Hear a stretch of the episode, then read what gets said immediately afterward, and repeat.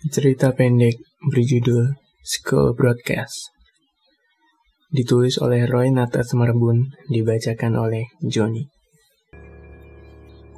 Kejadian di sebuah sekolah dasar di Jepang.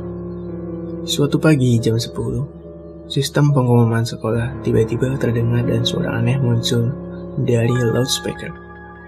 Itu terdengar seperti suara wanita. Rendah dan hampir tidak terdengar tidak ada yang bisa mendengar apa yang dikatakan wanita itu. Namun sepertinya dia mengucapkan kata-kata yang sama berulang kali. Suara yang monoton dan menakutkan itu terdengar di seluruh penjuru sekolah. Beberapa anak kecil takut dan mulai menangis.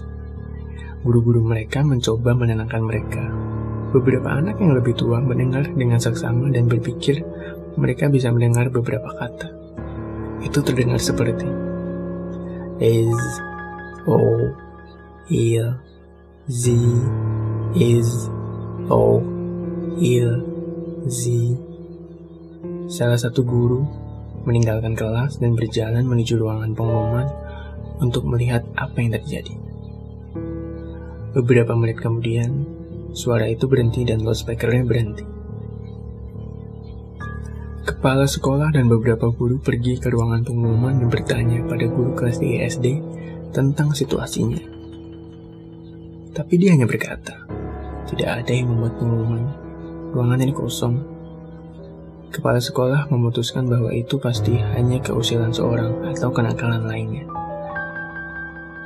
Seseorang pasti menyelinap ke dalam ruang pengumuman dan memutarkan rekaman. Dia memutuskan untuk mengunci pintu ruangan itu saat tidak digunakan untuk mencegah terjadinya kejadian seperti ini di masa yang akan datang. Tetapi setelah itu, kejadian aneh mulai terjadi. Sehari setelah kejadian itu, guru kelas 3 SD itu absen dari sekolah. Kepala sekolah bilang guru itu sakit. Guru itu tidak pernah kembali ke sekolah lagi dan ada yang mengatakan dia terpaksa tidak datang karena kondisi kesehatannya. Beberapa murid kelas 3 khawatir tentang guru mereka dan mencoba membuat surat untuknya, tetapi tidak pernah ada balasan. Salah satu dari mereka menemukan nomor telepon guru itu dan mencoba menelponnya.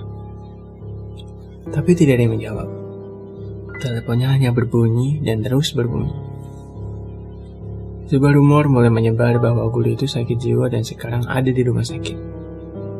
Semua murid bertanya-tanya, apa yang dikatakan oleh suara misterius itu dari pengumuman sekolah saat itu. Ada banyak jenisnya. Semua orang sepertinya mendengar berbeda-beda. Beberapa murid bilang mereka mendengar yang ini, yang lain bilang dia mendengar yang itu. Meskipun ada beberapa murid yang setuju, inilah yang mereka dengar.